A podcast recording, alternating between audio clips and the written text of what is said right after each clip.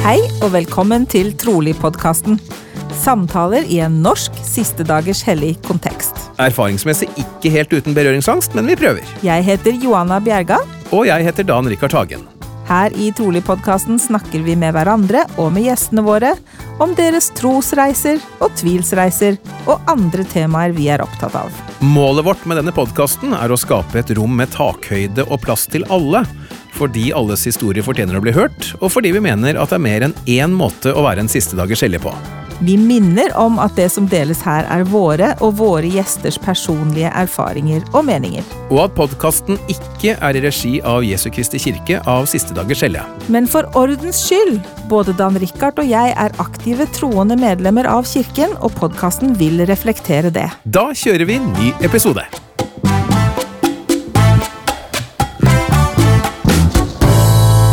Da er det faktisk eh, episode 43 vi er klare for, Johanna. Eh, Det vil si vi. Eh, Ikke helt du, eller? Ikke helt, nei, for jeg har en, en mann som liker å gi meg korona til sånne høytidsdager, så til morsdag i år fikk jeg korona av han, og nå til bursdagen min, som var denne uken, fikk jeg korona. Så takk for det. Han er snill, da. Han er veldig grei sånn.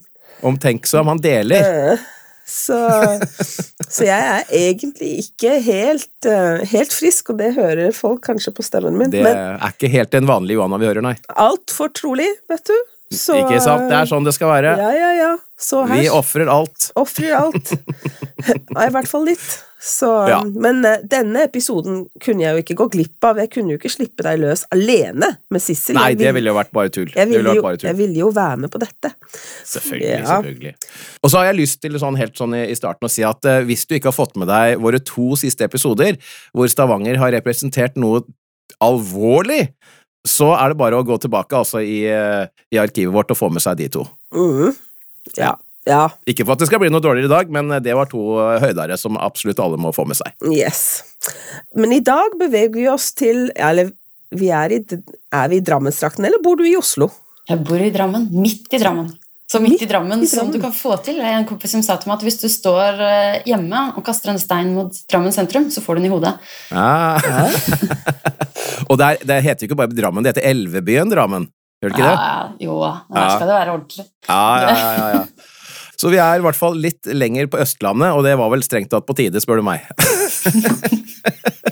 Ja, ja. Men vi har ikke avslørt hvem det er som sitter og forteller hvor hun er fra. Du kan jo introdusere deg selv. ja Sissel Ringstrøm heter jeg.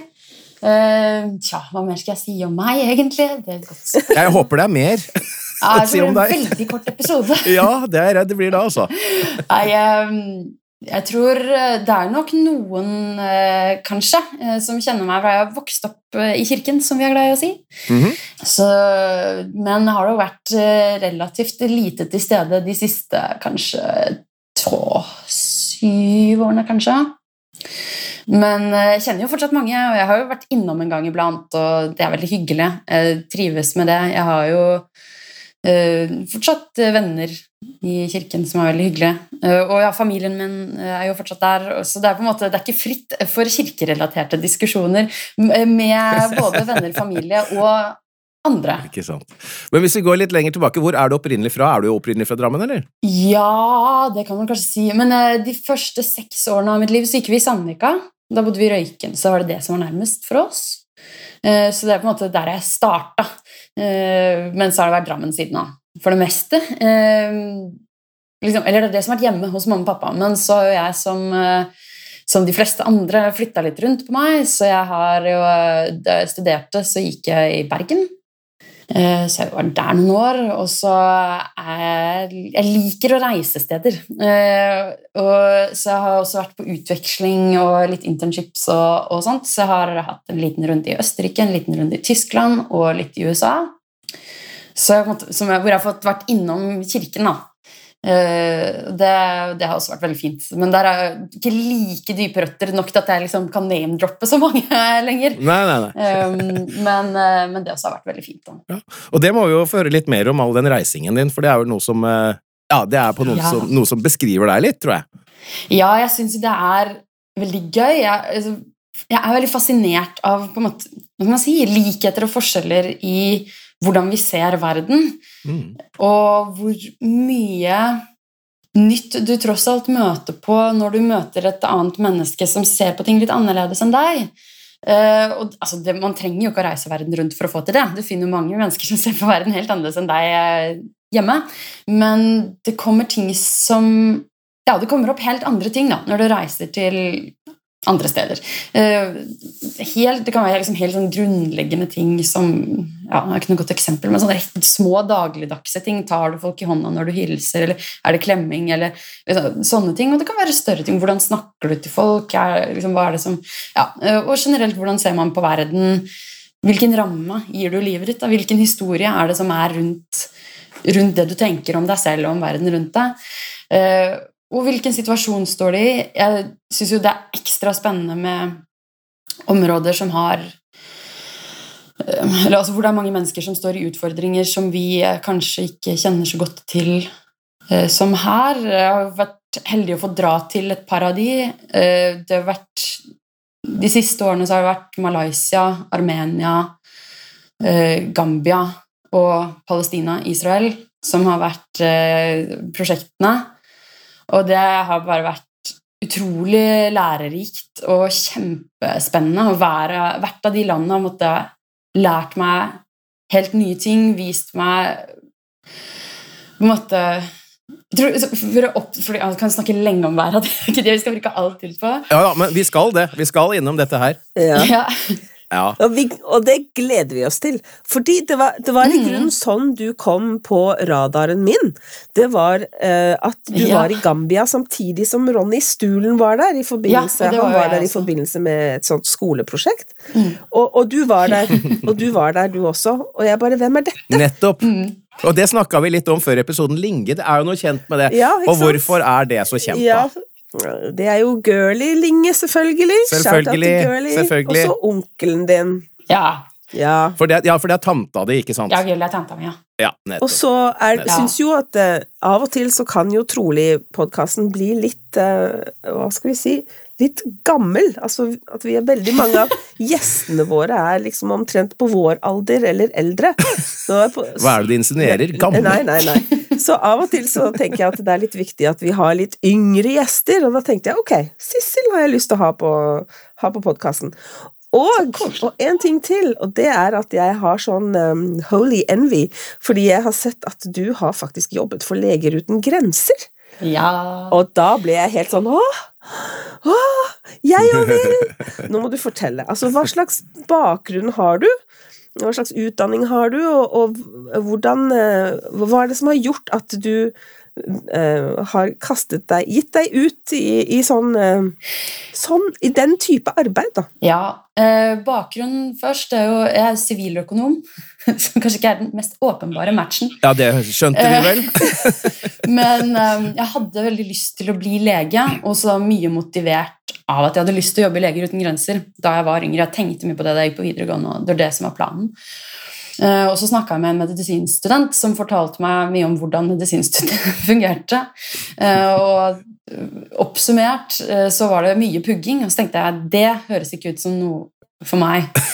Eh, det er ikke det at jeg ikke kan pugge, jeg kan like det også. Eh, jeg har tross alt også gått på teaterskole, så det har vært mye pugging der. Men, men eh, jeg syns det er mye morsommere å lære med å se systemer og på en måte, Istedenfor å lære alle faktaene, at du lærer deg en logikk, og så kan du replikere den.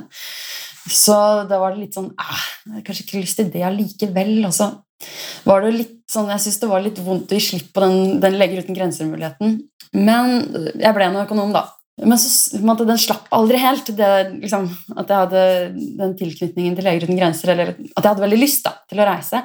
Eh, og så så jeg nærmere på det etter hvert, og det viser seg at de trenger jo alle mulige slags eh, folk. For de har jo leger, selvfølgelig, men disse legene vil jo gjerne få holde på med det de er best på. Og så trenger man jo folk til å fasilitere rundt. De trenger folk som kan ordne logistikk. De skal jo ha, både, altså de skal jo ha sykehus som kan poppe opp sånn, eh, med alt som er av utstyr og medisiner. Og å frakte medisiner er jo ikke bare bare. Da må man jo ha såkalte cold chains og sånn for å få det til å fungere. Altså, det er en komplisert oppgave i seg selv, og så er det jo mange mennesker, så man må ha noen som kan administrere alle disse menneskene, og de skal jo ha lønn, og alt mulig rart sånt skal jo også fungere.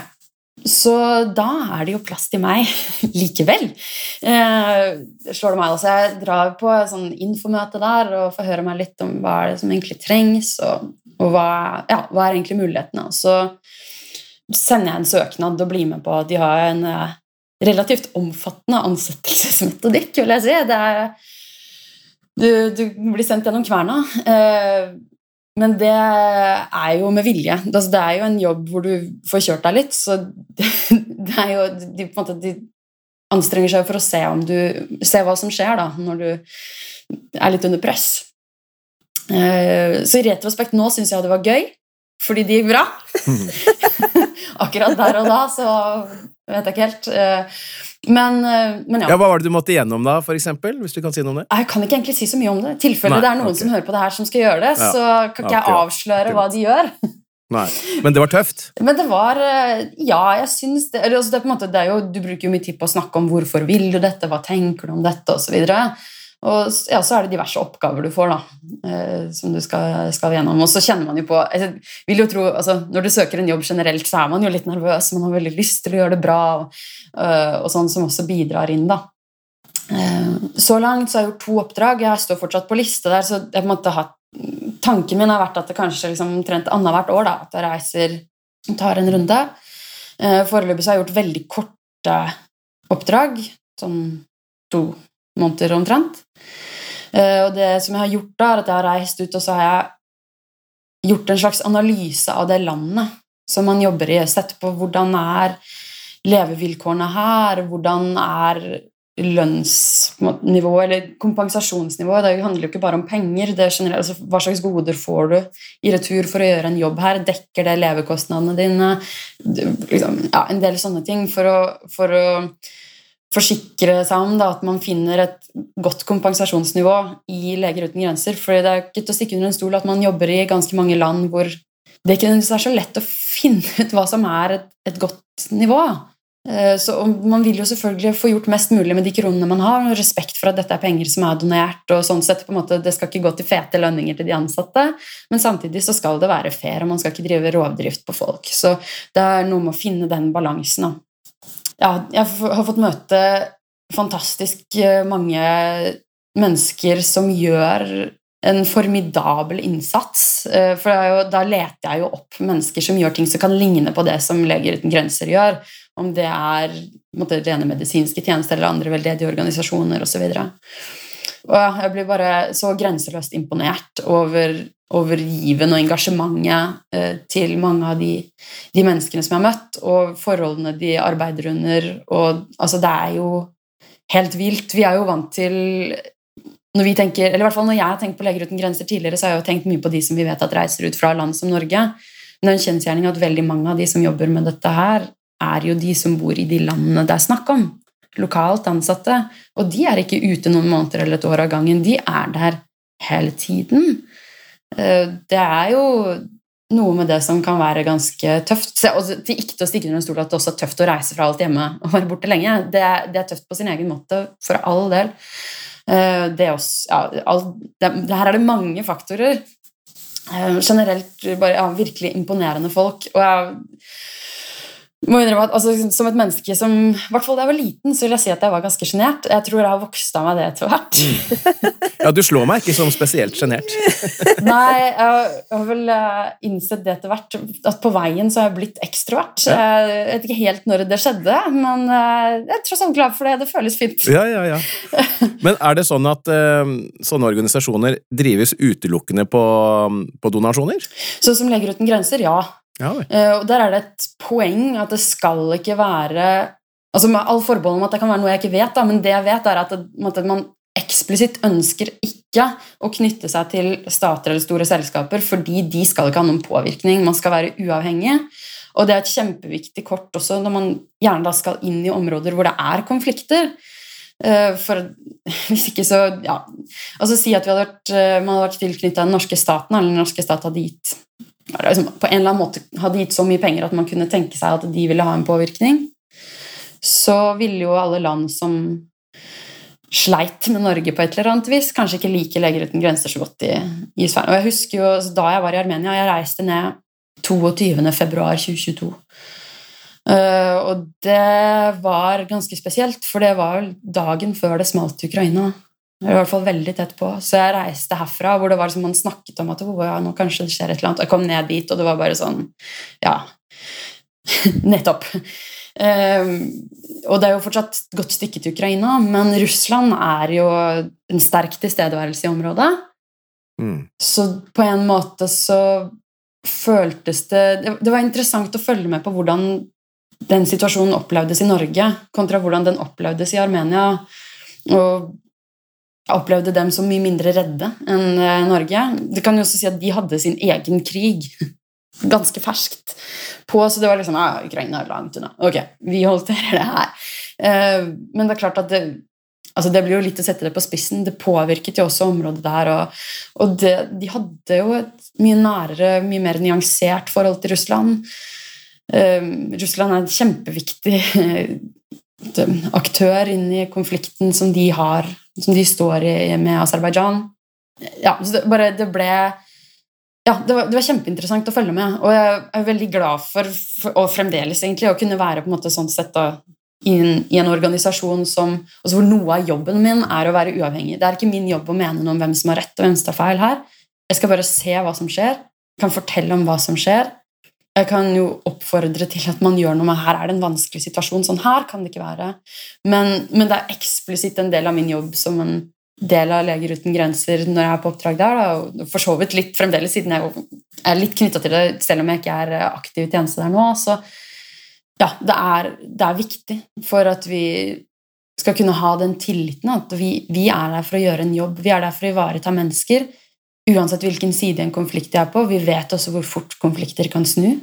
Der man føler at den ene siden åpenbart har rett en, på et tidspunkt, så kan det flippe, og så plutselig så er det eh, motsatt, eller andre aktører som kommer inn. Eller, ja, er, her er det så mange vanskelige ting at det, liksom, det på en måte nesten privilegiet det er da, å spisse formålet sitt til at vi er her for å gi medisinsk hjelp. Det er det vi vil. That's it. Mm. Uh, og vi hjelper alle, men sett fra deg våpenet ved døren. ja, please. Please. ja. Jeg har tenkt litt, litt, Jeg har jo journalistutdanning, og jeg har uh, bitt meg merke i de siste ukene, spesielt på grunn av Palestina og Gaza, krigen på Gaza, mm. uh, er er at eh, media har fått litt kritikk for å, for å være for nøytrale. At de ja. vegrer seg for å, for å, si rett ut liksom at det Israel holder på med, er ikke greit, eller det Hamas holder på med, er ikke Altså, de, de bare rapporterer. Ja. Og så har jeg tenkt at ja, men vent litt, det er jo egentlig det de skal. Det er ikke media sin jobb, faktisk, å, å si 'dette er feil, og dette si. er riktig'. Så jeg syns at kanskje den kritikken ble litt feilplassert. Og samtidig så har jeg tenkt at organisasjonene, sånn som Leger uten grenser, da Nå sier jo du at det er et viktig prinsipp at, er, at dere er nøytrale, og at mm. dere er Det er bare humanitært, ikke politisk. Mm. Men, men, hvem er det da sin oppgave å rapportere? Fordi mm. Eh, og, og, og, kanskje det ikke er noens oppgave å, å si hvem har feil, og hvem har rett? Ja, det er jo, nå stiller du liksom eksistensielle, gode spørsmål her. Eh, og jo, jeg vil jo si at på en måte, som en i den jobben så er det, det er også et av det, og nå og jeg, Hadde jeg vært en god Leger uten grenser-ansatt, så hadde jeg jo bare kunnet liste opp. Men det finnes jo på nettsiden og sånn. Altså det finnes liksom en sånn liste med disse stikkordene. Uh, og der ja, upartisk og nøytral er noen av de. Og så er det også det med liksom å fortelle hva du har sett. Det er, et, det er, en av oppgavene som vi tar.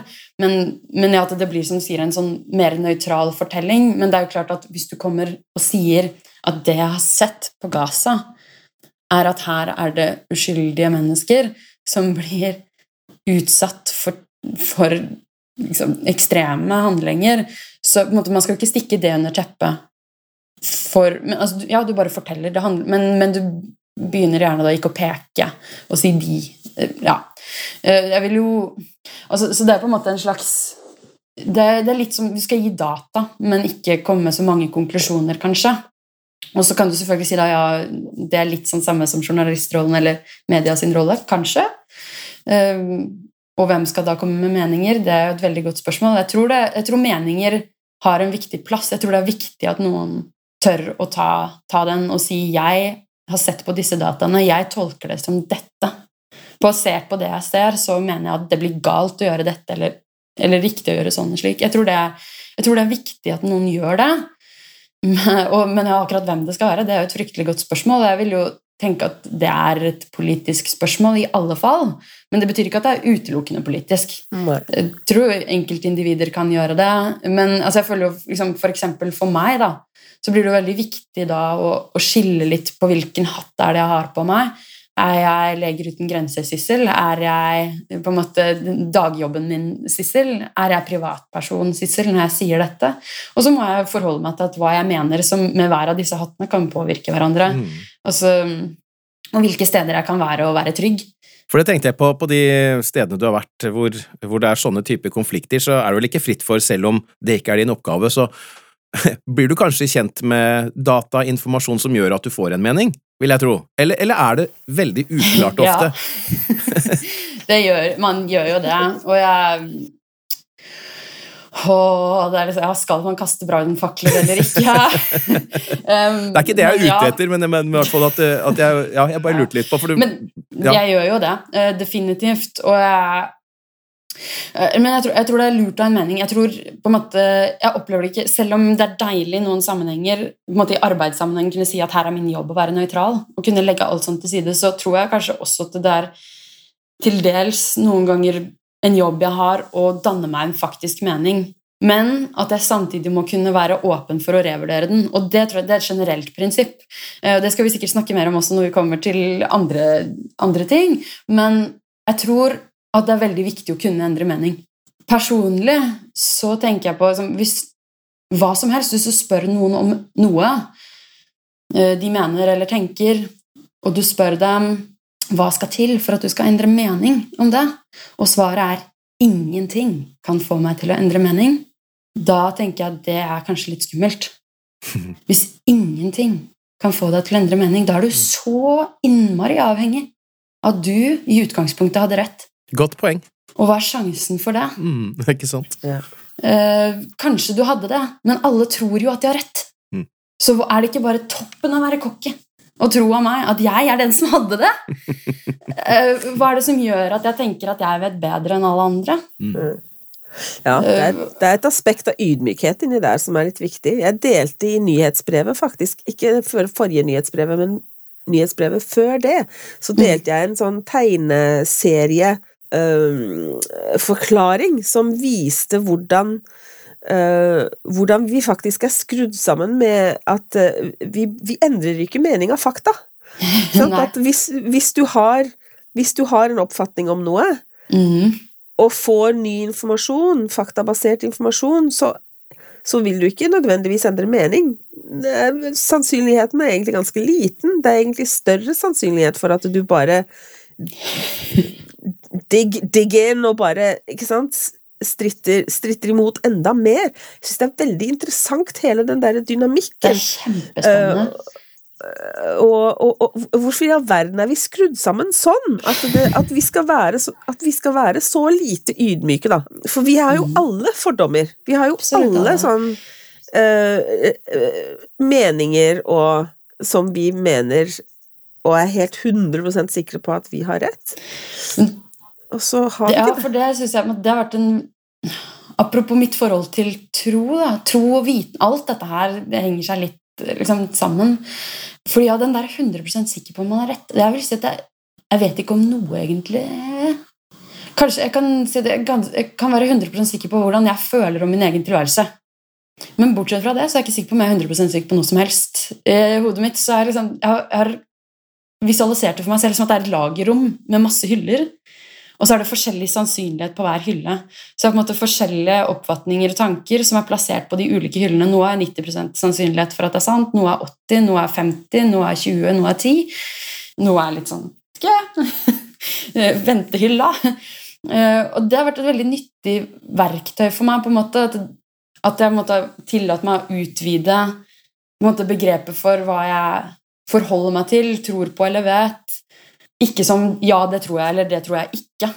Men at det er, det er, et, liksom, det er en måte å systematisere 'jeg er ikke helt sikker'. på. For, og det er jo ganske mange ting som jeg ikke er sikker på, men jeg satser jo hardt på det hver dag likevel. Altså, altså alt sånn klassiske basic eksempler er jo sånn type tyngdekraft, om klokka går riktig og alle mulige sånne ting. Jeg stoler jo på det såpass hardt at jeg, jeg lever jo livet mitt etter det. Men hvis du spør meg om jeg er 100% sikker på at klokka mi går riktig, så vil jeg jo ikke svart ja på det. Jeg er jo ikke det. Der, der er du ydmyk, men- altså. ja, det, det hender. Uh, ja, nei, så, og jeg tror på en måte det å ha med seg den tror, altså Det er jo en grunn også til at jeg tenker mye på det, og jeg, det er at jeg har sett også hvordan jeg selv kan bli når jeg blir for cocky, og det er ikke bra. Det er ikke bra.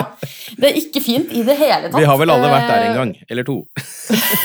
så jeg har på kjøleskapet mitt, som dere ikke ser nå, men det er sånn, det er én tavle midt på hvor det bare står liksom store bokstaver 'Don't get cocky'. Ja. den har hengt der over et år, og den skal henge Er det selvinnsikten som er hengt opp der? Ja, jeg håper det. Og noe av det som jeg vil med det, er jo sånn på en måte Man skal jo kunne, mener jeg, da, være glad og til en viss grad stolt. altså Ikke sånn der 'Å, jeg er bedre enn noen andre stolt', men på en måte, ja, være glad over at ting man får til. Og finne glede i det, tror jeg er kjempebra. Eh, Og på en måte sånn sett ta en form for selvtillit inn i det. Men at man kan kombinere det liksom, med at selvtillit og ydmykhet er ikke det er ikke kontraster som ikke kan sameksistere. De passer veldig Mm. fint sammen, tenker jeg. Og at, og at for meg så ser jeg, sånn, jeg ser den viktigheten at jeg, jeg må klare å være glad og tenke at yes, dette her fikk jeg skikkelig bra til. Mye av min jobb er jo å formidle, så jeg er sånn, har gjerne ganske store rom med mange mennesker og står på en scene og skal si ting, og, og jeg liker det godt. og Jeg, blir, ja, jeg syns det er moro, Uh, og jeg tror at det ofte går ganske bra. Uh, og da blir det noe av det som jeg tenker på liksom, den konkrete anvendelsen av det i den settingen, blir jo at ok, yes, jeg må ha med meg liksom, den energien og den troa på at det går bra inn, men jeg kan ikke tippe over at ja, men jeg er så god på det her. Jeg, og, for da slutter jeg å jobbe så hardt for det. Da slutter, da slutter jeg å ha følerne ute, jeg slutter å lese de menneskene som er i salen. Jeg slutter å på en måte genuint spørre meg hva er det som er det neste beste steget å gjøre. Og den ydmykheten trenger jeg alltid ha med meg, for hvis jeg ikke har det, så, så leverer jeg ikke like bra lenger. Og da, da mister jeg kontakten. Det får meg til å tenke på den der eh, reklamen, jeg tror det er Aftenposten sin, jeg, som liksom det var en person som blir diagnostisert hos legen om eh, og liksom Ja, nei, jeg vet hva som feiler deg, du er skråsikker, du har fått skråsikkerhet, og så slår han i hodet med, med en avis. Og så, så tenker jeg ja. Ikke sant? Altså, det, det er ikke sjarmerende når man er skråsikker på noen ting. Og det er derfor jeg syns det er så Jeg er så Jeg er egentlig så kry av tittelen på podkasten vår, som er trolig. Fordi det er det, det er virkelig liksom Det er jo et ordspill, ikke sant? Altså tro og trolig. Probably. Kanskje, sannsynligvis, muligens. Altså at, eh, at, vi, at vi kan tilnærme oss hele livet, egentlig, med en litt mer sånn Uten skråsikkerhet. Ja. ja, uten skråsikkerhet. Litt mer sånn Det vet vi ikke helt, men som du sier, ikke sant, jeg har tillit til at solen står opp i morgen, og jeg har tillit til ikke sant, det handler, At det handler mer om, om det, da. Ellers så må jeg jo si at Med den tilnærmingen du akkurat beskrev, eh, Sissel, så skal det bli spennende å snakke mer om tro etter hvert. ja, jeg har, jeg har tatt masse notater helt siden jeg og Johanna begynte å snakke sammen. Ja. Fra, hva jeg har tenkt. Så vi får se Ja. hvor mye vi klarer å stappe inn. Men, eh, men jeg syns det er kjempespennende. Og jeg har diskutert tro selvfølgelig masse i kirken, eh, og, og også utenfor kirken. Jeg syns begge deler er kjempespennende, og til dels eh, noen ganger veldig frustrerende. Eh, på hver sin måte. Eh, ja, og Det henger litt sammen med den der skråsikkerhetsbiten. Jeg syns det er vanskelig med mennesker som er veldig sikre.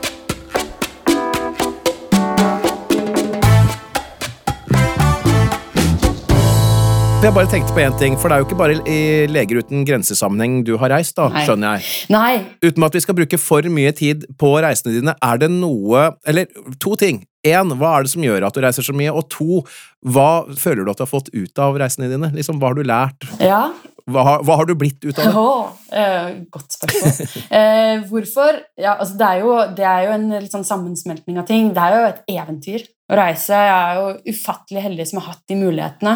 Eh, og den sånn, nysgjerrigheten på andre paradigmer. Eh, og det kan man jo også, uten at det skal gå dypt inn i det nå, det kan vi jo ta opp i en tråden på senere, men jeg opplever at jeg har vokst opp med et annet paradigme enn de menneskene jeg har hatt rundt meg.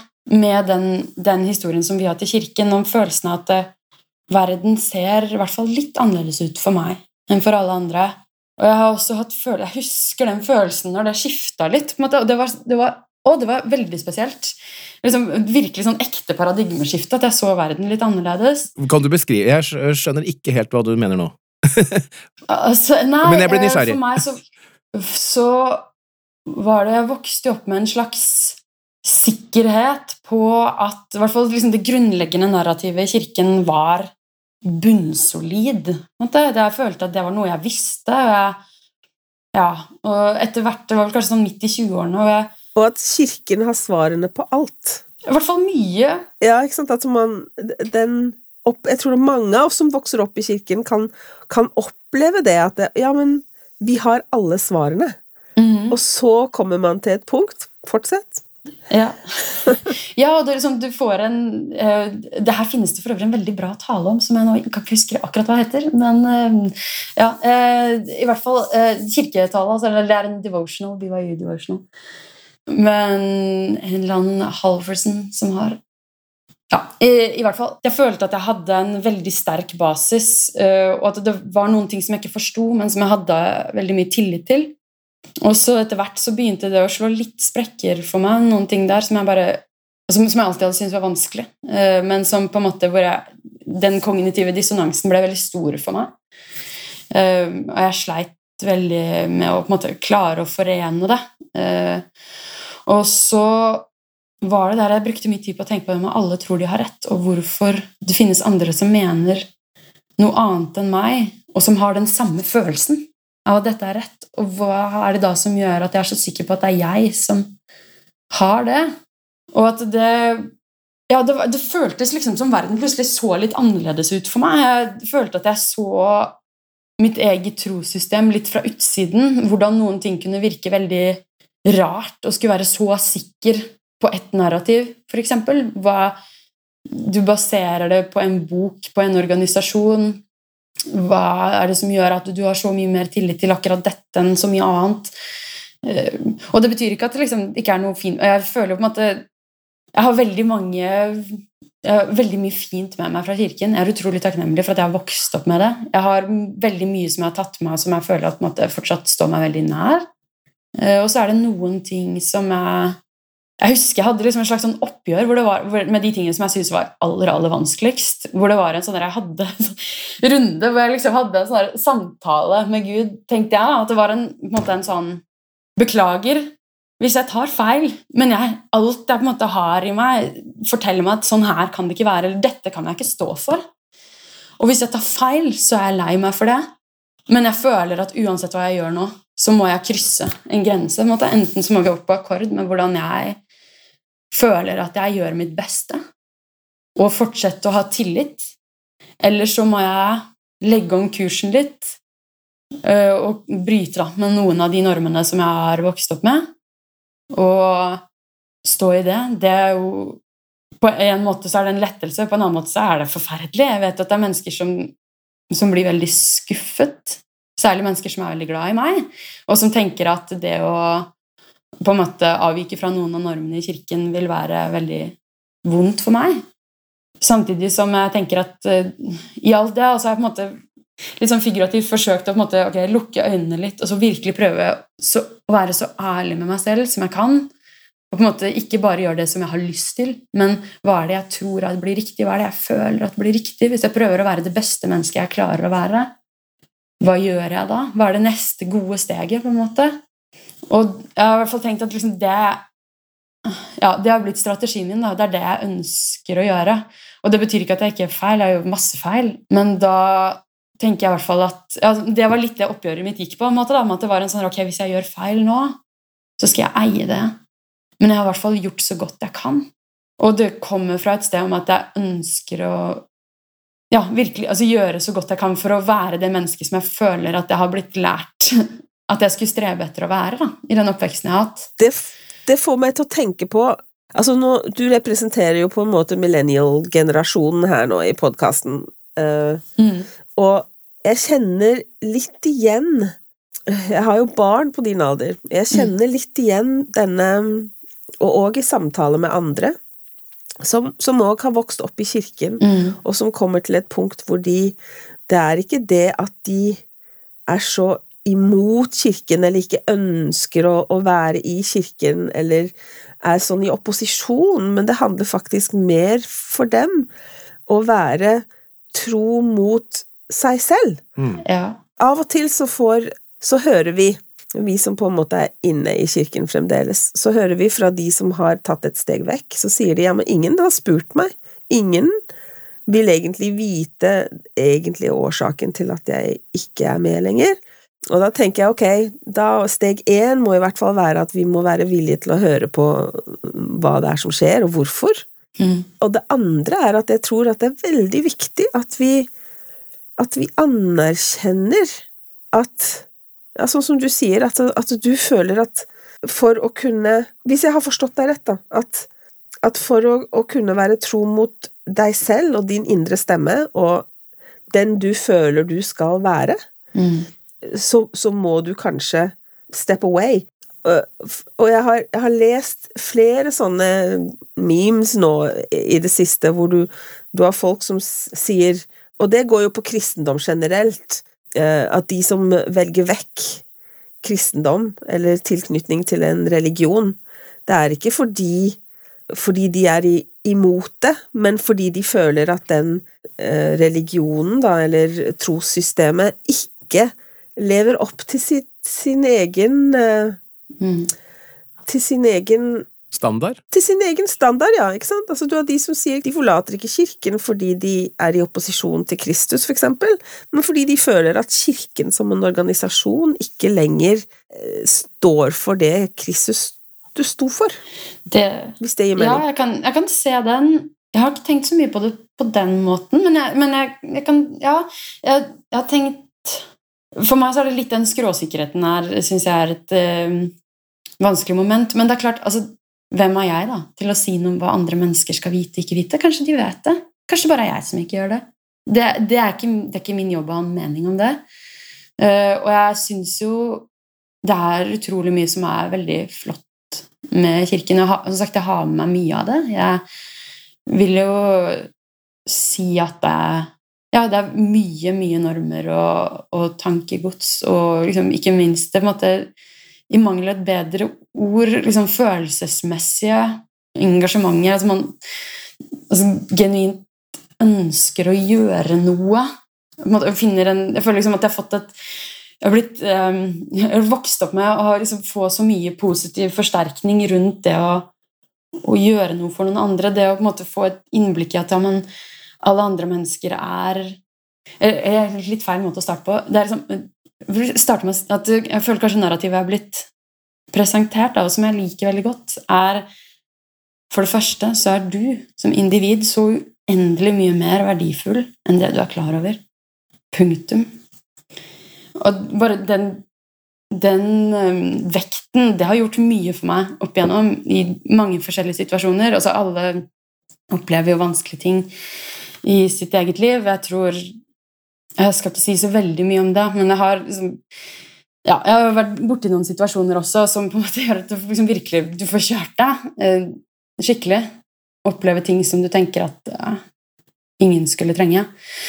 Eh, og den følelsen i bunnen med at liksom uansett hva som skjer, så er du uendelig verdifull, det er én ting. Og nummer to, det gjelder også alle andre rundt deg. Så selv når du er frustrert over hvordan de gjør ting, husk at det er ting du ikke forstår. Husk at det er så mange faktorer. Husk at det er så mange ting som du ikke har ansvar for. Husk at ditt ansvar er hvordan du møter dem. Hvordan du anvender Når du blir irritert på noen, kan du da se på deg selv og tenke ok, jeg syns det var vanskelig at en annen person gjorde eller sa sånn her. Hva kan jeg lære av det? Gjør jeg det? Eh, Hvordan oppleves det? Hva er det jeg ja, hva skal jeg gjøre? Jeg kan i begrenset grad påvirke hva andre, andre gjør. Jeg kan selvfølgelig si fra hvis de gjør noe som jeg syns er ukomfortabelt. Det er jo viktig. Men dette her med å anvende på seg selv, det føler jeg virkelig at det har også vært en, en grunnstein i det jeg har vokst opp med, og som jeg, som jeg er veldig glad for, og som jeg tror er eh, viktig. Mm. Og menneskeverd. Ikke sant? Ja. Menneske, ikke sant? Altså det, det altså Jeg tenker at det, det ligger der, men av og til så så lever vi liksom ikke helt opp til vår egen Altså Do we even believe what we believe? altså, Ja. det ligger der, sant? Men, eh, men jeg, jeg tror at noen opplever at det, Eller blir frustrert over at de føler at, det, at vi ikke gjør nok, da. Eller at vi ikke får til nok, kanskje. Ja, det, og, det, og hva er nok? Det, og hvilken side skal du feile på? Jeg tenker at liksom, Den samme talen som jeg, liksom, jeg husker ikke hva den heter, eh, men det er et eller annet med som sagt, 'proving contraries'. Et, et eller annet Ja. Ja, Jared Halverson. Mhm. That's the one. Uh, jeg, altså, jeg har hørt den mange ganger. Jeg syns den er fantastisk. Uh, og en, han trekker fram blant annet liksom dette måte hvordan disse tingene som virker som kontraster, og som kan være kontraster, hvordan vi føler at de trekker oss i forskjellige retninger, men vi må klare å samle dem likevel. Hvordan forholder vi oss til at det er noen lover og noen regler som vi føler er harde og brutale noen ganger, med at vi skal vise kjærlighet både for oss selv og for andre. Hvordan setter vi de tingene sammen? Um, Å finne balanse i det er ikke å gå verken til den ene eller den andre siden og bli der, men vi må, finne, vi må alltid korrigere. Og det er litt der også jeg mener viktig å holde den ydmykheten. For hvis du blir for cocky, så er det så lett å falle i en av de grøftene. Så hvordan kan du alltid på en måte prøve å korrigere Det krever en sånn balanse. Og jeg skal ikke påstå at jeg er kjempegod på det, men jeg prøver i hvert fall så godt jeg kan. Eh, og det tenker jeg at det er et start, sted å starte, at jeg prøver å ha et bevisst forhold til det, det der. Mm. Men nå har du snakket en del, eh, la meg si overfladisk, om mm. eh, problematikken. Mhm. Eh, og du har flere ganger nevnt nettopp dette med skråsikkerhet og cockiness i den forbindelse. ja. Er det da sånn å forstå at eh, et uttrykk som vi ikke bruker, men som har blitt brukt, for eksempel 'vi er den eneste sanne kirke', er det en del som sier, og det er jo ikke et uttrykk som egentlig Josef Smith engang brukte. Men liksom, er det, er, det, er det det som er litt av problemet? Hva er problemet ditt? Oh, Oi, oi, oi! jeg liker det. jeg liker det. Um, Vær så god! ja, uh, ja, jeg syns jo Ja, jeg syns den er litt problematisk. Jeg, eh, Men det gjør vi også. det. Og vi bruker den Eh, heller ikke. Nei. Nei, ikke sant? Og, og det er ikke på en måte for å snakke ned om de som føler det. Jeg, jeg, jeg husker jo den følelsen. Den, liksom den, der, den brennende overbevisningen som fyller hele synsfeltet ditt, sånn figurativt sett. Og det er fantastisk. Um, og jeg forstår godt hvordan den, den opplevelsen leder til den ordbruken. Uh, men eh, det er også noe av grunnen til at jeg har blitt så glad i å møte mennesker som tenker annerledes enn meg, og diskutere med de, er noe med å observere hvordan de kan ha lignende følelser for andre ting. Det kan være at de bare kommer litt annerledes inn i den samme debatten, eller det kan være helt andre ting som jeg bare aldri har tenkt på.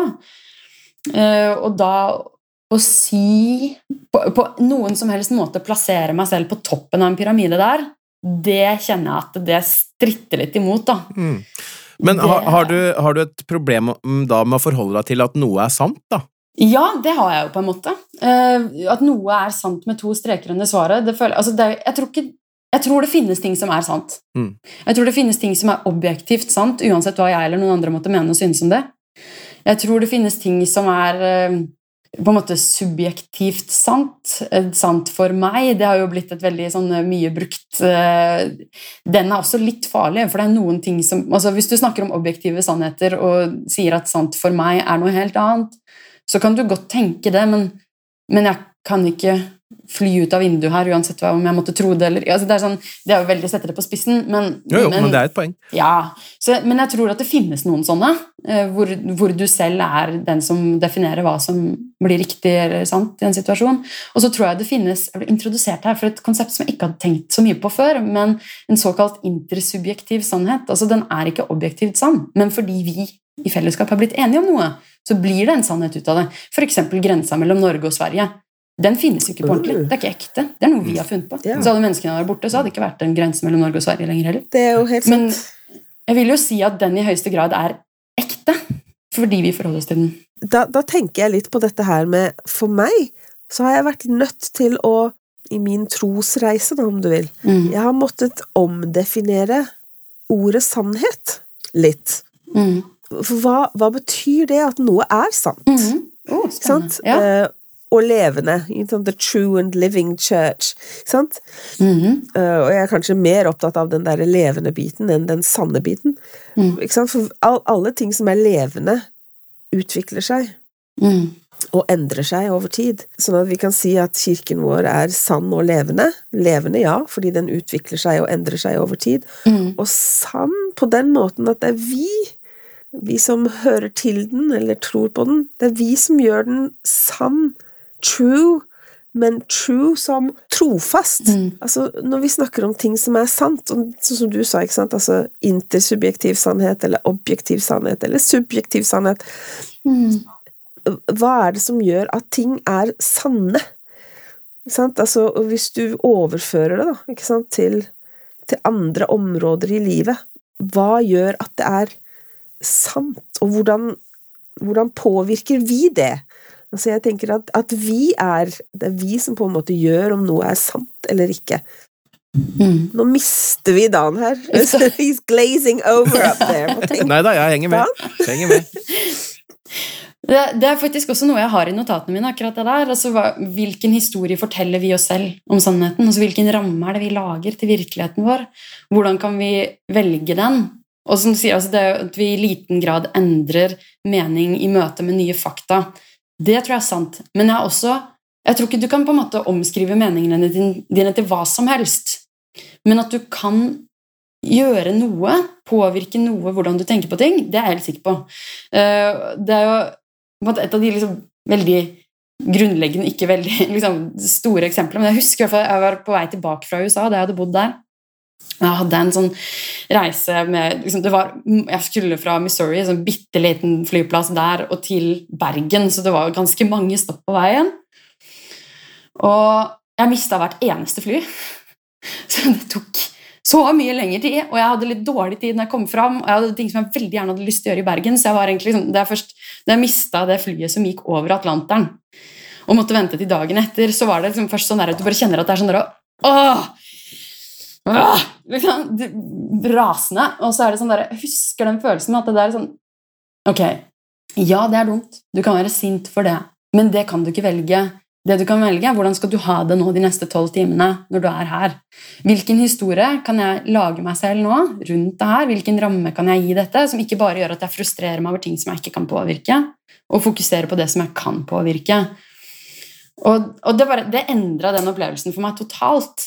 Og at det, jeg hadde det egentlig kjempefint. Jeg tror Innen jeg kom fram til å prate med de som skulle hjelpe meg å få booka om flyet, og sånn, så hadde jo de snakka med ganske mange sinte mennesker, så de var så greie med meg. Jeg var den siste som sto der. Og de ordna Jeg tror de må ha trodd at jeg var veldig mye yngre enn det jeg var. Fordi jeg var jo sånn midt i 26 eller noe sånt, nå, og de, jeg fikk sånn matpakke, jeg fikk tegnebok og sånn. Og det var flere som spurte deg liksom, «Hva, reiser du alene, du, da? jo, Ja, jeg er 29. men, eh, men eh, ja, de var i hvert fall veldig hyggelige. Og det, liksom, det fikk se litt av og så måtte, ja, den, den switchen, på en måte, liksom, hvilket, hva jeg kunne gjøre med det. Og jeg kan se i etterkant altså, Det er ikke det at jeg kan bare bestemme meg for å endre mening til noe helt annet, men jeg kan stille meg selv noen spørsmål. Jeg kan invitere til en diskusjon i mitt eget hode. Og der kommer også den ydmykheten inn, at jeg må klare, selv om det er vanskelig, og både i møte med meg selv og andre klare å måte, ta veggene ned. Jeg må ikke bli så opptatt av å ha rett. Jeg må ikke bli så opptatt av at det som jeg kommer inn med, må stemme. Um, og det kan jo være fryktelig vanskelig, og særlig hvis jeg er Skråsikker.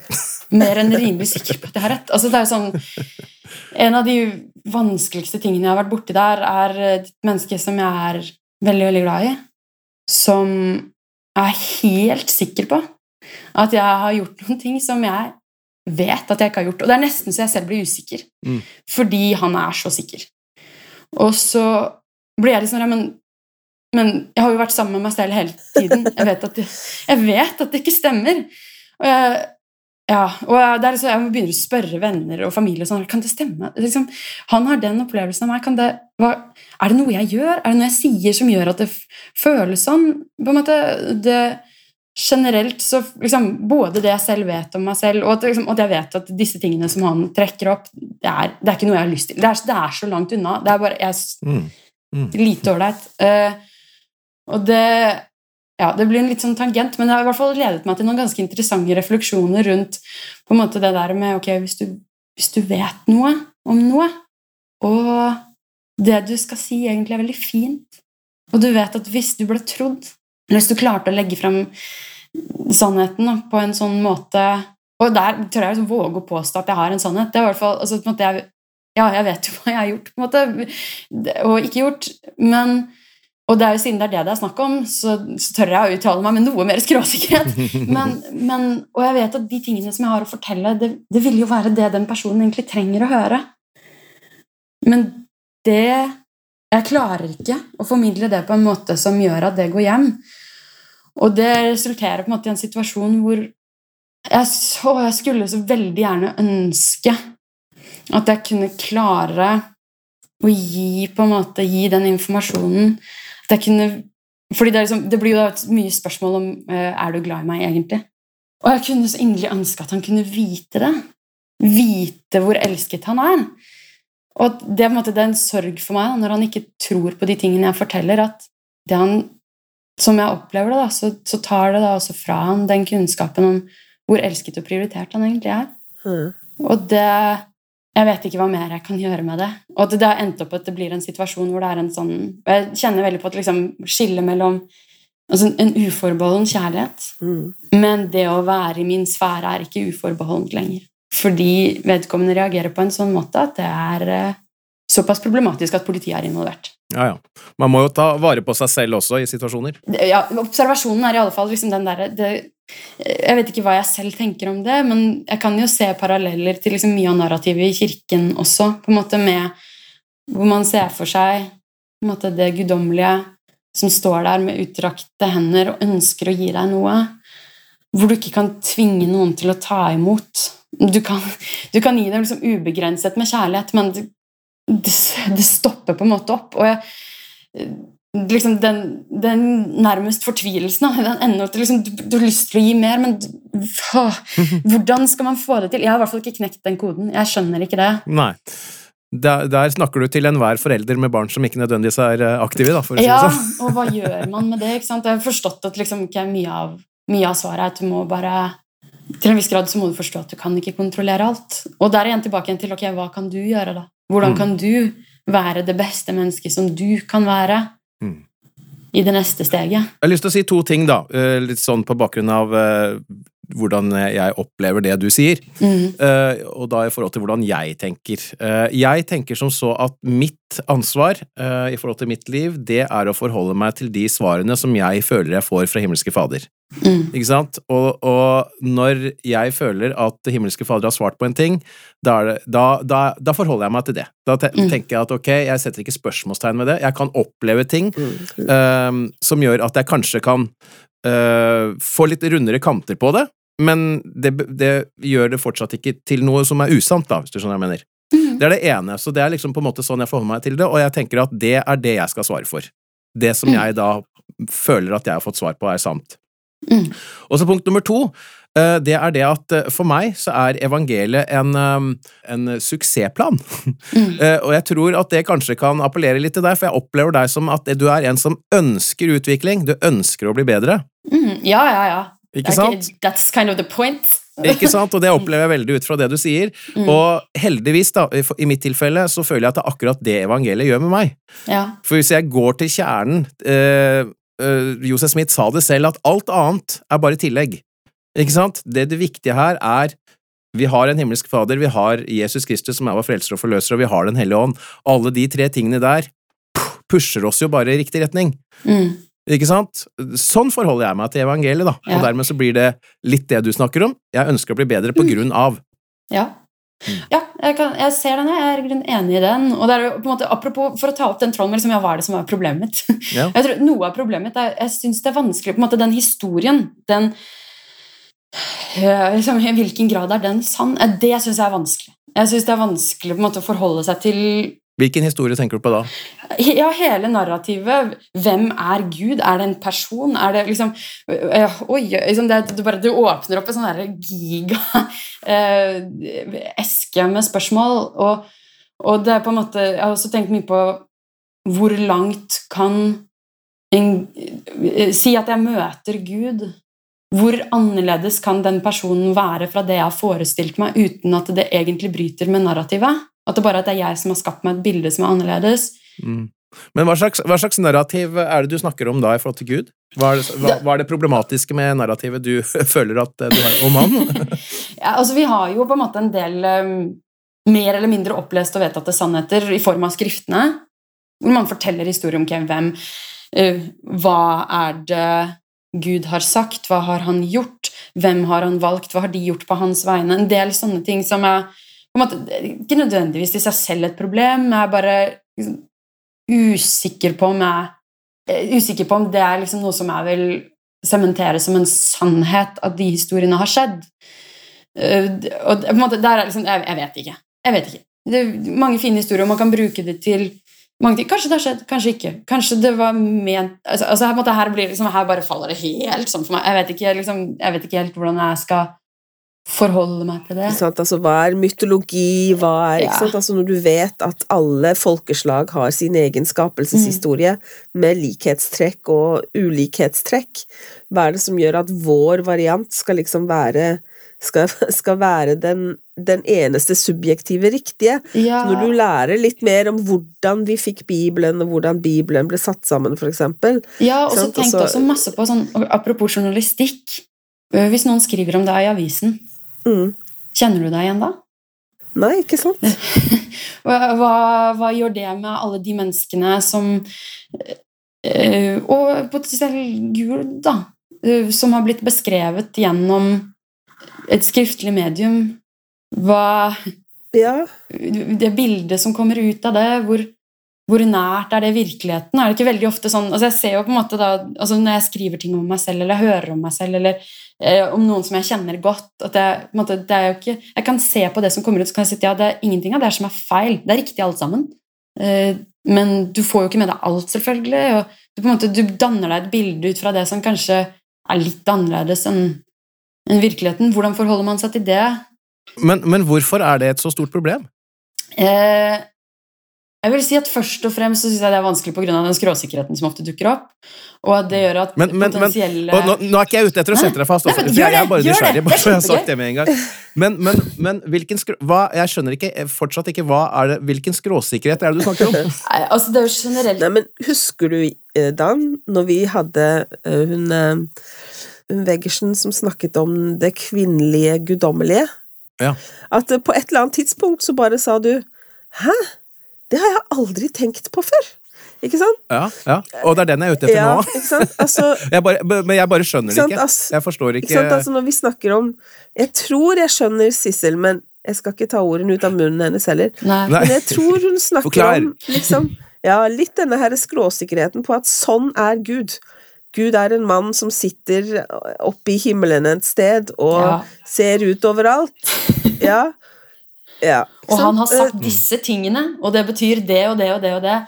Um, og, og, det på en måte kan godt hende at det er riktig, men så er det jo alt sånn der med ja, ok, det, det, ble riktig den gangen, men det blir ikke riktig nå. Og da tror jeg ikke nødvendigvis ja, her, her, liksom, Det blir vanskelig. Uh, hva er det som er vår tolkning? Hva er det som er kulturen som har vokst opp rundt? Hva er det som er på en måte helteeposet vi har bygget oss rundt noe som kanskje er i utgangspunktet en, en sannhet? Da. For meg måtte, jeg skal prøve å sette ord på Ta dette med en klype salt. Men mm. det, litt det som jeg kjenner på, blir litt sånn at jeg føler ofte at vi blir så opptatt av strukturen og historien at vi kanskje glemmer litt den kjernen som ligger inni. Og så føler jeg noen ganger at det, det blir en sånn ja, at det blir en dissonans da, mellom det som jeg opplever som kjernen i det evangeliet som jeg har vokst opp med. Mm. Så på en måte, det er, liksom, det er litt det jeg mener når jeg sier at jeg lukker øynene og så på en måte søker litt innover mot den, hva er det som egentlig er godt å gjøre. Hvordan det er noe av det som er guddommelig for meg. Jeg føler at det, ja. det er noe som jeg har i meg, og som alle andre mennesker også har. Og som kan, kanskje som ikke eksisterer på utsiden av oss alle. Ja, For det jeg syns du sier nå, er jo egentlig at øh, vi skal være gode. Og det Ja. er jo vi jo helt enige om. Det er vi helt enige om, så det er jo ikke noe vanskelig. Så sånn sett så blir problemet litt i møte med en struktur som, som fremholder noen ting som solide sannheter, som jeg opplever som små, og kanskje ubetydelige Mm. på noen måter, men som på en måte skaper noen implikasjoner som jeg syns det er vanskelig å, å forene med denne godheten. Da. Ja. Men er det, kan det være mer hvordan vi som mennesker utøver dette her på, kanskje? Ja. Det kan være. Det kan absolutt være. For det eh, mistenker jeg, for igjen tilbake til Josef Smith, det virka så mye enklere på hans tid. Skjønner du hva jeg Ja. mener? Altså, alt annet er tillegg. Alt Ja. annet med regler og alt dette her som vi driver og styrer og baler så mye med, Det- de er der jo for å hjelpe oss, Det men det er jo ikke det som er målet. ja. Ikke sant? Det er ikke målet. Nei. Målet er akkurat de tingene, føler jeg, da, som du sier, at vi skal være gode. Mm. Og da Legg bort en regel eller to Nei, det skal jeg ikke si, men Fordi jeg tror på regler også, jeg skjønner du. Ja, og jeg sier ikke at du ikke gjør det, altså. Ja, ja, Jeg husker- nei, misforstå meg rett. Det er Patrick Wold, da han var Jeg lurer på om det var da han var biskop i Drammen. Ja. Jeg husker han hadde en tale, jeg husker ikke resten av talen, men jeg husker følgende setning. Lager jeg meg Patricks evangelium? Husker jeg at han sa. Ja. Og den husker jeg tenkte sånn, ja, gjør vi ikke alle det? På en måte, I hvilken grad plukker vi det vi liker? Jeg vet Ja. jo at jeg gjør det. Ja, Og da blir det jo spørsmål, da. Når er det jeg gjør det? Når er det jeg gjør noe jeg har lyst til? Jeg velger meg det som jeg har lyst til. Og når er det jeg gjør det som jeg mener blir riktig? Jeg, for meg selv så har jeg gjort et skille mellom lyst og vilje. Når er det jeg genuint gjør min beste innsats for å være ærlig med meg selv, som kan bety at jeg kommer fram til konklusjoner om at ja, vet du hva, her må du ta deg sammen og gjøre Her er det en regel du må forholde deg til, eller her må du gjøre noe som du ikke liker. Mm. Uh, ok, Mm. greit. Uh, og noen ganger så er det bare at åh, nei, jeg Jeg gidder ikke, jeg orker ikke. Det, det å skille mellom de to der Mm. Har blitt veldig viktig for meg, da, og jeg, jeg syns jo det er vanskelig, og som jeg føler understreker liksom, den viktigheten for meg da, å operere med dette liksom, mentale lagerrommet, med hvilke ting er det jeg liksom, gir forskjellig type sannsynlighet i mitt hode. Fordi når jeg da opererer utenfor den strukturen som jeg har fått presentert, jeg har valgt å si nei takk til noen av de reglene, eh, og jeg da har lagd meg Sisters evangelium Ja. Hvordan sikrer jeg etter beste evne at jeg ikke gjør det for å gjøre det lett for meg selv, ja, ikke sant. men at jeg genuint så målet mitt, Og det er også en av tingene som jeg, som jeg blir veldig opptatt av, og som jeg føler at jeg også har fått på godt og vondt, kan du kanskje si, men jeg føler at det har vært en god ting for meg i mitt liv. Det vokste opp med en idé om at alt jeg ser, gjør, tenker, føler, blir Jeg må, jeg må kunne stå for det i den grad at noen kunne se det. Alle kunne se det, hva som skjer. Og kanskje det ikke skjer nå, kanskje det skjer en gang senere. At mine handlinger, tanker og følelser på en måte blir spilt opp på storskjerm et eller annet sted. Hva vil jeg tenke da? Hvordan vil jeg føle om det? Og kanskje ikke først og fremst da det jeg har tenkt har vært at alle andre mennesker skal se det, men at i hvert fall da dette guddommelige skal kunne, kunne se meg. Og Mm. Mm. det Har det vært et stressmoment, eller har det vært en god ting for deg altså, en, å tenke på den måten? Jeg føler at det er en god ting. Altså, det er klart at det, pusher meg jo.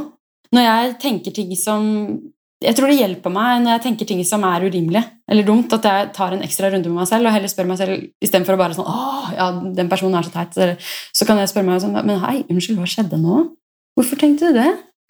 Hva Kan du se på det på en annen måte? Hvorfor gjorde de det, tror du? Tror du de gjorde det for å være kjip med deg? Nei, sannsynligvis ikke. Eh, på- At det gjør at jeg får en, et behov da, for, å, for å ha en tankeprosess, en følelsesprosess, som, som tåler dagens lys. Da. Ord, det ordet som detter inn i hodet det mitt, da, det er raushet.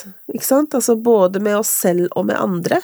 mm, Ikke sant? Altså at vi skal Altså give grace. Altså at vi skal være Ja, det tror jeg. Jeg tror du er inne på noe der, tror, For meg så føles det som kanskje Jeg skal ikke si den viktigste, men det er i hvert fall et meget viktig verktøy som jeg føler at jeg har fått med meg da, fra den oppveksten jeg har hatt. Eh, fordi ja, det gjør noe med hvordan jeg ser på meg selv, da, og det gjør at jeg holder meg selv ansvarlig på en annen måte. Jeg har hørt um, mennesker som snakker om religion som som legger fram at de mener at det er høy sannsynlighet for at man er komfortabel med å lyve hvis du har vokst opp med religion fordi man har levd med veldig strenge normer og regler, og, og at du føler at du må leve opp til en standard som, som er ukomfortabelt høy. Da. Eh, Og jeg, Sånn jeg kjenner Kirken, så vil jeg ikke si at det er min opplevelse. Jeg vil jo heller si at ja, det jeg føler er liksom litt den der ok, jeg, kan, jeg kunne kanskje klart å lure dere, men jeg kan ikke lure dette guddommelige til å tro at jeg er noe annet enn det jeg er. For det, liksom, det, det er synlig. Det hjelper ikke å lure andre mennesker. Tvert imot så ville jo det vært en negativ ting. Altså, det ville jo vært noe som jeg hadde skamma meg over. Eh, og, så det er det ene. Og det andre føler jeg at det har vært en Altså jeg føler at det er en takhøyde i kirken. Jeg føler at noe av mantraet har vært ja, den, liksom sammen med denne ja, du er så uendelig mye mer verdifull enn det du kan forstå. Og vi gjør alle feil her. Vi er her for å gjøre noe med de. Og det er ikke for å si at å jeg, og jeg føler også at mye av diskusjonen der er jo rundt at ok, så er det noen andre som har en annen feil enn deg. Det må du ha en forståelse for. Det som er vanskelig for deg, er kanskje lett for noen andre, og motsatt. Hvordan kan du gå inn i den situasjonen uten å dømme? Det er ikke vår jobb Mm, å dømme. Mm. Vår jobb er å anvende på oss selv. Absolutt. Punktum. Jeg merker jo det at eh, jeg kunne sitte og bora lenge her nå, for jeg syns dette er, jeg er litt Jeg synes det er kjempeinteressant, det du sier. Eh, Men eh, tiden den løper litt, så vi skal sakte, men sikkert gå mot de faste, de faste postene. Ja. Men Mm. for å avslutte denne sekvensen, da, Sissel. Tror du på Gud? Og det er et kjempegodt spørsmål. Jeg vil jo omtale meg selv som en agnostiker, altså at jeg vet ikke. Ja, dere hører kanskje av språket mitt også, liksom, jeg omtaler noe guddommelig. Det er litt sånn jeg tenker på det. Jeg, jeg syns det er vanskelig å definere hva jeg mener at det skal være. Om det er en enkeltperson, vet ikke. Jeg forestiller meg på en måte det, men det er ikke en sterk uh, mening jeg har. Jeg har jo også hatt den opplevelsen som jeg er ganske sikker på at veldig mange i kirken kjenner igjen. Altså denne liksom sånn brennende følelse. Hvor du, altså, det føles fantastisk. Jeg kjenner igjen det. Jeg er usikker på hvordan jeg knytter det til andre ting. Altså, måte tilbake, det blir liksom tilbake til at jeg føler at liksom, innerst i alt det her så ligger det en kime av godhet. Det er der det går, alt kommer tilbake igjen der. Hva kan jeg gjøre for å være i overensstemmelse med det? på en måte, For å strekke meg etter den godheten. Og der hvor jeg føler at det blir vanskelig, så går jeg tilbake igjen til det. Så på en måte så kan du kanskje si at det er en slags gud, men jeg er usikker på ja, Noen ganger så blir jeg usikker på er det det er det den personen vi snakker om når vi snakker om Gud i kirken. Mm. Er det den personen Så inne på lageret ditt, hvor sannsynlig er det, er det at det finnes en Gud? Cirka midt på. ja, ok. 50-50. 50-50. Cirka 50-50. Ja. Og så er det på en måte og, Men da, da, det blir veldig stor spredning ut fra hva mener du med Gud. Mener du at det sitter eh, en mann med langt, hvitt skjegg og, Nei, jeg vet ikke hvordan han ser som, ut. som julenissen? Eh, ikke sant? Og jo mer spesifikt du blir sånn, jo, jo lenger unna en sikkerhet blir det, og jo mer måte, åpen man er for hva mener du, jo nærmere det er på en måte en mer sånn vag idé om at det er en kraft for godhet her i verden, Mm. jo sikrere blir jeg. For den føler jeg at jeg har liksom en kjennskap til. Og liksom, ja, hvordan definere det. Og det er liksom, sånn sett da, Hvis jeg skal på en måte tillate meg å kanskje blø over et av de andre litt faste spørsmålene, er liksom, hvordan ser du det? da? Hvordan ser du Gud Mm.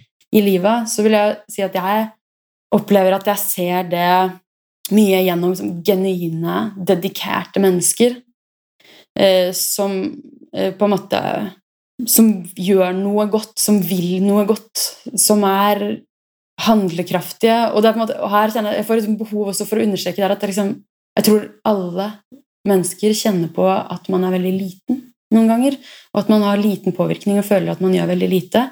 Um, og jeg har sett så mange mennesker som tenker det om seg selv, som har en enorm handlekraft, og som har en enorm påvirkning. Det er bare at vi ser det ikke alltid. Og jeg tror liksom, der, Hvis du klarer å ha den kontakten inn mot den godheten, da, så tror jeg du er ganske godt på vei til å være et av de menneskene jeg snakker om her. Og jeg har møtt mange av de. Virkelig mange. Over, og overalt, ikke sant? Det er jo det. Vi har Mm. ikke monopol på godhet i kirken vår. På Nei. ingen måte. Og Men vi har en veldig fin inngangsport i det. Ja, det vil, jeg, det vil jeg si. Men det er så mye gode mennesker der ute som gjør så mye bra, og Mm. det er jo vanvittig inspirerende. Det er jo. Veldig.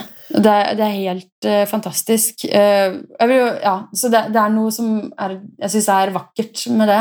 Og jeg syns jeg, jeg, ser det ellers, og det er liksom de klassiske sånn i natur og i kunst og musikk og mange andre ting, så føler jeg også at jeg kan se på en måte det den godheten litt, da, eller på en måte et slags Ja, vi bruker jo ofte liksom, begreper som lys, varme, glede, liv liksom, Det er mange ord her som jeg føler at passer rundt det konseptet, uten at det klarer å beskrive alle aspektene av det. Mm. Men, eh, men dette er jo ting som vi ser mange steder, føler jeg. Som, ja, som på en måte blir liksom runder av til at det er sånn jeg føler at jeg ser, ser det guddommelige. da. Du sa før vi begynte å ta opp, så sa du det, ikke sant, du sa 'god morgen'. Så, så at du er grunnleggende glad. At du er uh... Ja, jeg vil si det er default-settingen min. Er glad. Ja. Eh, Deilig, gitt. Det er veldig deilig. Jeg er glad for det. Eh, og det er jo på en måte jeg har fått, Vi har dansa rundt det, på en måte, jeg skal ikke gå i dybden på det, men det har vært noen ting liksom, i det siste som jeg føler liksom, hvor jeg virkelig har fått meg en trøkk. Og jeg synes det, liksom, har vært, det er ting som har vært skikkelig ugreit. Eh, og det tror jeg alle mennesker møter jo noe i løpet av livet som er vondt og fælt, og hvor man kjenner at dette Ja, jeg klarer ikke å være glad akkurat nå. Eh, Og det kan vare lenge, og man kan liksom gå i kjelleren i varierende grader. Men jeg er veldig takknemlig for at, liksom, at jeg har fått komme tilbake igjen til at man kan kjenne på den gleden. Og at jeg føler at jeg sånn sett er velsignet fra fødsel med at det, liksom, det, er, en, det er en setting som jeg ja, relativt lett kommer tilbake til, vil jeg si. ja. Det er jeg veldig glad for. Jeg husker veldig, veldig lite av velsignelsene som barna mine har fått når de ble født, eller når de fikk et navn. Men en av sønnene mine fikk i velsignelsen sin at han skulle ha et lyst sinn. Mm. Og det har virkelig slått til, altså. Ja. Han er, han er så lys til sinns, og det er så deilig. Sånne mennesker Ja. er så deilig å, å være med. ja. Ja, men Det der er veldig kult, for jeg, jeg, jeg husker også på en av sønnene mine Han fikk beskjed om at han Eller fikk beskjed, hører du. Det ble sagt at han er fylt med mye kjærlighet, og han er altså Han er nå 20, og han er den som går rundt og klemmer oss hele tiden og 'Å, jeg er glad i dere', det er den eneste som sier det, liksom. Ja, det er flere, men han er veldig der. ja. Og det, hvordan visste jeg det, liksom? Når han var Ja. eh, tre måneder gammel? To er måneder gammel? Ikke sant? Det er et eller annet. Det er et eller annet der. Forrige episode så innførte vi et, eh, et ekstra spørsmål som går på hvordan føler du Guds kjærlighet? Og nå vet vi jo at, eh, at Gud er et litt sånn uformelig objekt i denne sammenheng, men hvordan føler du Guds kjærlighet? Jeg vil jo si Altså For meg så er det liksom Det føles litt som når du står i sola. At det er en sånn varme eh, som ikke nødvendigvis kommer fra et annet individ. Det kan dukke opp Det, måte, det kan være sånn når jeg våkner om morgenen, at jeg har den følelsen.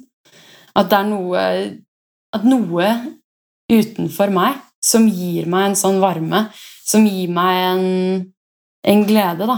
Eh, Og en kjærlighet. Og liksom der, at det, måte, det bekrefter for meg litt det som jeg da har vokst opp med, den, liksom den tanken om at du er mye mer verdifull enn det du forstår. At, liksom, og det å bli elsket det er på en måte en slags Ja, at jeg føler at det er en underbygging av det. da. Og det er klart, Jeg kjenner jo på at det er liksom andre mennesker som bryr seg om meg også, og det er fantastisk, men at jeg, jeg opplever det som at jeg noen ganger kan liksom At det kan være liksom bare man er ute og går i skogen, type eh, ting, men det kan også bare være når som helst, hvor som helst, at jeg kjenner at det liksom føler som at det er noe utenfor meg som liksom nesten gir meg en klem. liksom. Ja. Eh, og det er det er noe som er veldig fint med det. og som på en måte jeg, jeg vet ikke akkurat hva det er. Det er sikkert, sikkert mange som kunne diskutert det der opp og ned og i mente. Eh, men det er en følelse som jeg er kjent med, da, og som jeg setter veldig pris på. Mm. Og som for meg på en måte har et preg av ja, noe guddommelig. Mm. Det blir jo ikke helt ulikt eh, forrige spørsmål, dette her, da. Det som er vårt faste, nemlig hvordan hører du ham? Føler du at du hører ham i din hverdag? Ja, jeg Altså på en måte Tilbake til liksom at jeg tenker på Gud som liksom, ja, dette er liksom en godhet, liksom en kima liksom Litt sånn der solskinns-energien eh, som vi har inni oss. på en måte, med at ja, Ut fra det så blir det, jeg føler at jeg kan se det både når jeg liksom, ja, I andre mennesker som er, som er dedikerte, som vil noe, som på en måte som anstrenger seg for genuint å gjøre godt for andre mennesker. Så føler jeg at jeg ser det veldig tydelig. Jeg føler at jeg får kjenne på det også. Liksom, vi har sikkert alle møtt på noen mennesker som er sånn. og bare liksom, Hvordan du kan liksom bli dratt med i dragsuget. og det er så deilig! Eh, at man får være med på, på det. Og jeg tenker på det også litt som på en måte å høre noe guddommelig i livet. Det liksom på en måte få kjenne på den den motivasjonen, den entusiasmen, som kanskje ikke nødvendigvis helt kommer fra deg selv, men at du på en måte får være en slags sånn, Hva skal man si vessel. På en måte får det inn i verden. At, så ja, for å oppsummere, at jeg tenker at liksom, ja, gjennom dedikerte mennesker som ønsker å gjøre gode ting, gjennom å selv anstrenge seg for det, da, og på en måte invitere litt den Det blir mange liksom vage uh, ord her, men liksom den energien, den intensjonen, det ønsker å invitere det inn i livet og på en måte anstrenge seg for å legge ego litt til side og prøve å slippe fram det. Da føler du at han får snakket, på en måte? Ja, og jeg føler at det blir en slags eh, velsignelse også i etterkant, fordi det er jo ofte når jeg opplever at jeg klarer det litt, da, og, og fokusere på oppgaven og se ok, hvordan kan jeg løse dette på best mulig måte, og, og sette meg selv til side, ikke være så cocky, at jeg gjør mitt beste arbeid, og at jeg kommer nærest alle altså det, det, kan være på jobb, det kan være personlige relasjoner til folk, men at det er da jeg klarer å være mest genuin, og på en måte kanskje også bygge meg selv til å bli litt bedre enn det jeg har vært. Mm. At du blir på en måte et redskap ja, og at det kanskje et redskap pluss og jeg tror på en måte, noe av dette guddommelige at det også er en del av oss. Jeg føler Det på en måte sånn sett matcher jo godt med eh, kirkens doktrine også, at det er vi har det guddommelige potensialet. Vi kan bli som Gud. Hva betyr det? Og det, tenker, ja. Det å dyrke den delen av oss selv, da, bli ja. Ja, ja, eh, mm, punktum. Det å dyrke den delen av oss selv, det er noe som gjør oss bedre, og som gir glede. Og det er ikke fordi det er uten problemer. Det er ikke fordi det alltid er lett, men for det er en, det er en mestring og på en måte en, en slags tilfredshet da, i å kunne se tilbake på og si at ja, men jeg har faktisk gjort mitt aller beste, og jeg tror dette var det beste jeg kunne gjøre i den situasjonen. Og i det så ligger det jo utvikling også. Det gjør det, og noen ganger selvfølgelig så kan man jo trå feil. Det, jeg har gjort det mange ganger. Uh, og så må man da liksom Ok, unnskyld, dette var ikke meningen. Min feil. Ah, jeg korrigerer. Ja. Men det, det, aller tryggeste ville jo vært å aldri gjøre noen ting, men da hadde vi jo virkelig ikke hatt noen utvikling. Og så må jeg jo si at liksom, det er kanskje altså Jeg har også hatt den tanken at det, liksom, det tryggeste, det letteste, det beste hadde vært å aldri feile. Og jeg har tenkt mye på jeg synes jo, på en måte, Særlig da jeg var mindre, syns jeg det var veldig vondt og vanskelig å skulle be om unnskyldning for ting. Det er en ting som jeg har jobba mye med. Fått testa mye på etter hvert. Det har vært mange ting å be om unnskyldning for i løpet av livet, så det er en god ting å lære. Eh, men hvordan liksom observert etter hvert bare selv om det er flott å ha det fint sammen og gjøre ting riktig sammen, så er den, på en måte den sårbarheten som man legger for dagen når man sier at her kom jeg til kort. Her har jeg jeg er lei meg for at jeg har gjort dette mot deg. Jeg skulle ikke sagt det sånn. Jeg skulle ikke gjort dette. Jeg ville ikke at det skulle bli sånn, men det jeg har gjort det, det er min feil. Det å på en måte legge fram noe på den måten skaper også en knytning mellom mennesker som jeg aldri har sett dukke opp på noen annen måte og som jeg opplever at gir vanskelige situasjoner en mening som jeg ikke klarer å finne i situasjoner hvor man gjør alt riktig hele tiden. Hva, hva er eh, egentlig din definisjon av tro? Hvordan vil du definere tro? Det, det, er også et veldig spennende spørsmål. Jeg har notert meg litt på det. Det, meg at sånn, det som jeg tenker på når du sier tro, er en overbevisning. Er en sterk overbevisning om noe. Eh, jeg tenker på det som også sterk knytning til en slags emosjon, følelse Noe i det spekteret. Jeg vet at ikke alle er liksom glad i den språkbruken, men det, det, som jeg prøver å si, er at det, ikke, det, sitter ikke bare i hodet, det sitter i kroppen. Det er en styrke og en energi, en intensitet i trosbegrepet som jeg føler at mangler fra vitenbegrepet. Så der vil jeg si at det er en forskjell. Jeg vil også si at tillit er en viktig del av den cocktailen. Altså vi har tillit til noe. Vi, vi, vet det ikke, men vi legger all den energien inn i dette noe som, som man tror, basert på en tillit. Den likte jeg. Ja, den var veldig bra. Takk, takk. er det noe du ville endret eh, hvis du hadde kunnet? Jeg, har jo hørt igjennom hva noen andre har sagt, og jeg ser jo at det her kommer liksom mange Jeg skjønner, at vi har mange som tenker, i de samme banene her. Og det er jo på en måte, men det henger litt sammen med det som vi også har snakket mye om nå, at jeg syns det er vanskelig å forholde meg til mange, altså narra, mange narrativer med to streker under svaret. Og jeg er usikker på hvordan man egentlig skulle løst opp den der. For det, i en organisasjon så trenger man også struktur, det vet jeg. Men jeg opplever det noen ganger som at det, kanskje strukturene våre Altså det, det, å på en måte se nærmere på dem, da. Er man god nok til det? Uh, hva skal til for å endre? Hvordan endre? Hvorfor? Når?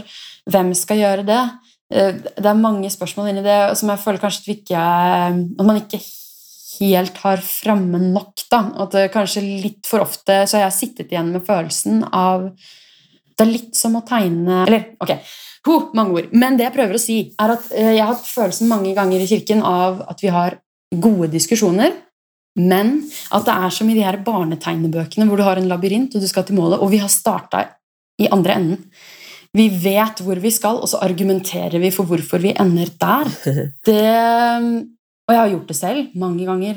Ikke bare i, kirkesammenheng. Altså det, det, er så lett for oss i alle meningene vi har, å argumentere for hvorfor vi har rett. Klarer vi å legge fra oss det og se på ting uten de brillene kanskje litt oftere? Så, ja, jeg, skjønner at det er vanskelig. Eh, men, men, det er i hvert fall en ting som jeg har tenkt på, og som på en måte ja, som jeg syns var vanskelig. Jeg husker også at det, For å gi et liksom, ekstra eksempel i forhold til det, så var det, var, Når jeg skulle til USA, så var det mye styr med visumsøknad og sånn, og det var noen systemer som var nede, og det var ja, greier og greier. Og det var usikkert om jeg kom til å få det i tide. Så husker jeg at det var uh, folk som sa til meg at nei, jeg føler det kommer til å gå bra, uh, og sånn. Og noen som sier liksom, ja, det, det, kommer til å gå sånn som det skal gå. Og jeg husker at jeg så på den situasjonen utenfor, og så tenkte jeg ja, det der kommer du til å si uansett hva som skjer.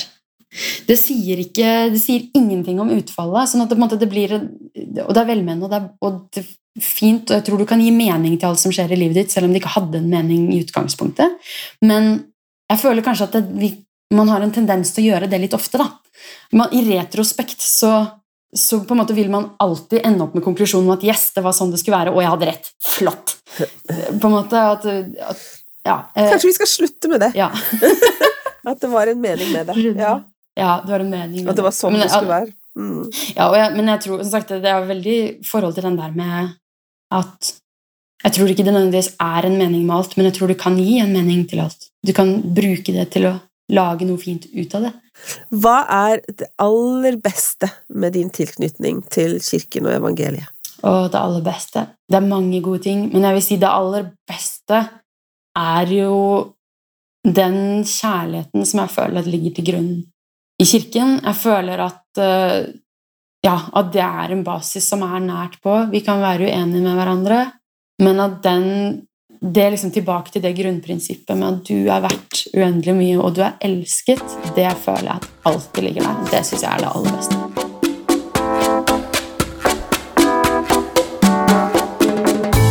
Tusen takk for at du hørte på dagens episode. Vi er snart tilbake med en ny og spennende samtale. Og for å gjøre ventetiden litt kortere, så kommer som vanlig vårt nyhetsbrev mer enn trolig i innboksen din om kort tid. Ja, Det er hvis du abonnerer på det, da, og det gjør du enkelt inne på vår Facebook-side. Ja, og i tillegg så finner du oss både på Instagram og Twitter, som oppdateres med jevne og ujevne mellomrom. Har du forslag til enten temaer eller gjester du syns vi burde snakke med? Send oss en e-post til troligpodkast med k at gmail.com. Og vi blir veldig glad for skriftlige tilbakemeldinger i alle våre kanaler. Og ikke glem at dette vil også hjelpe andre å finne trolig. Takk for nå. Vi høres!